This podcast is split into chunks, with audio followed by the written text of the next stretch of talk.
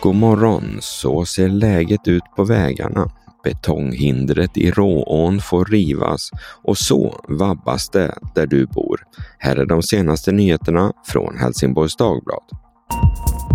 Gårdagens omfattande trafikproblem fortsatte en bit in på natten mot torsdag.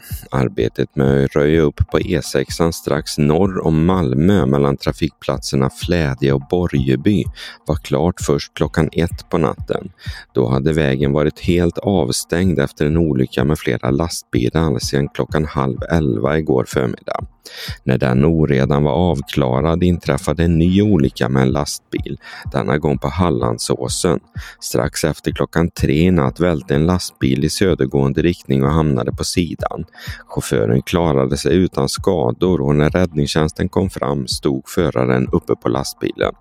Under den tidiga morgonen pågick fortfarande bärgningsarbetet på platsen, men Trafikverket räknade då med att den skulle vara klar vid halv sju. Utöver det finns det inga olyckor eller problem att rapportera. Idag ligger det inga varningar från SMHI över nordvästra Skåne och Trafikverket varnar visserligen för halka på de stora vägarna utom motorvägarna. Men situationen ser alltså dramatiskt mycket bättre ut den här morgonen än vad den gjorde igår vid den här tidpunkten. Betonghindret i Råån får rivas. Det har Mark och miljödomstolen klubbat. När Görarpsfördämningen under motorvägen i Helsingborg är borta ska fler fiskarter kunna vandra både uppåt och neråt i ån och hoppande öringar ska inte längre skada sig mot den hårda betongväggen. Diskussionen om det här har pågått i flera år och tidigast våren 2025 kan arbetet påbörjas.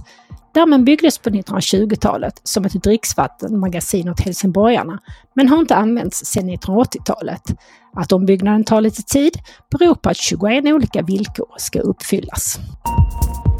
Förra året minskade vabbandet i landet. Totalt var minskningen 7% för de som behövde vara hemma och ta hand om sjuka barn. I nordvästra Skåne ligger flera kommuner något under snittet med en lite mindre nedgång. Men det finns också tydliga skillnader. Mest minskade vabbandet i Perstorp med hela 11,9 procent. Båstad återfinns i andra ändan av spektrumet med en ökning på nästan 8 procent. Helsingborgs skulder växer. Om sju år väntas stans skulder ha ökat från 7,4 till 11,2 miljarder kronor. Men i rådhuset finns ingen oro för detta. Lånen ska ge stan nya tillgångar.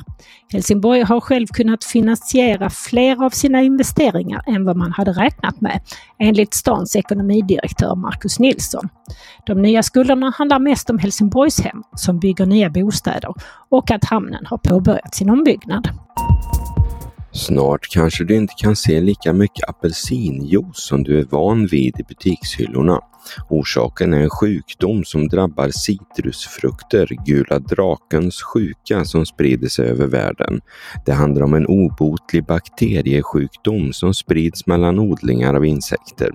Utöver sjukdomen drabbas numera också odlingar i USA, Spanien och Brasilien allt oftare av extremväder som orkaner, extra mängder regn och torka om vartannat. Vädret efter gårdagens busväder så väntar idag strålande sol och måttliga vindar. Temperaturen nu på morgonen ligger på ett par minusgrader för att krypa upp till nollan under den största delen av dagen. Vinden blir västlig och 4 till 6 meter per sekund. Idag väntas inget snöfall. En stor gul sol lyser över prognosen från förmiddagen och fram tills morgonen tar över. Det var allt från Helsingborgs Dagblad den här morgonen. I studion Peter Ferm och Yvonne Johansson. Läs mer på hd.se. Vi hörs!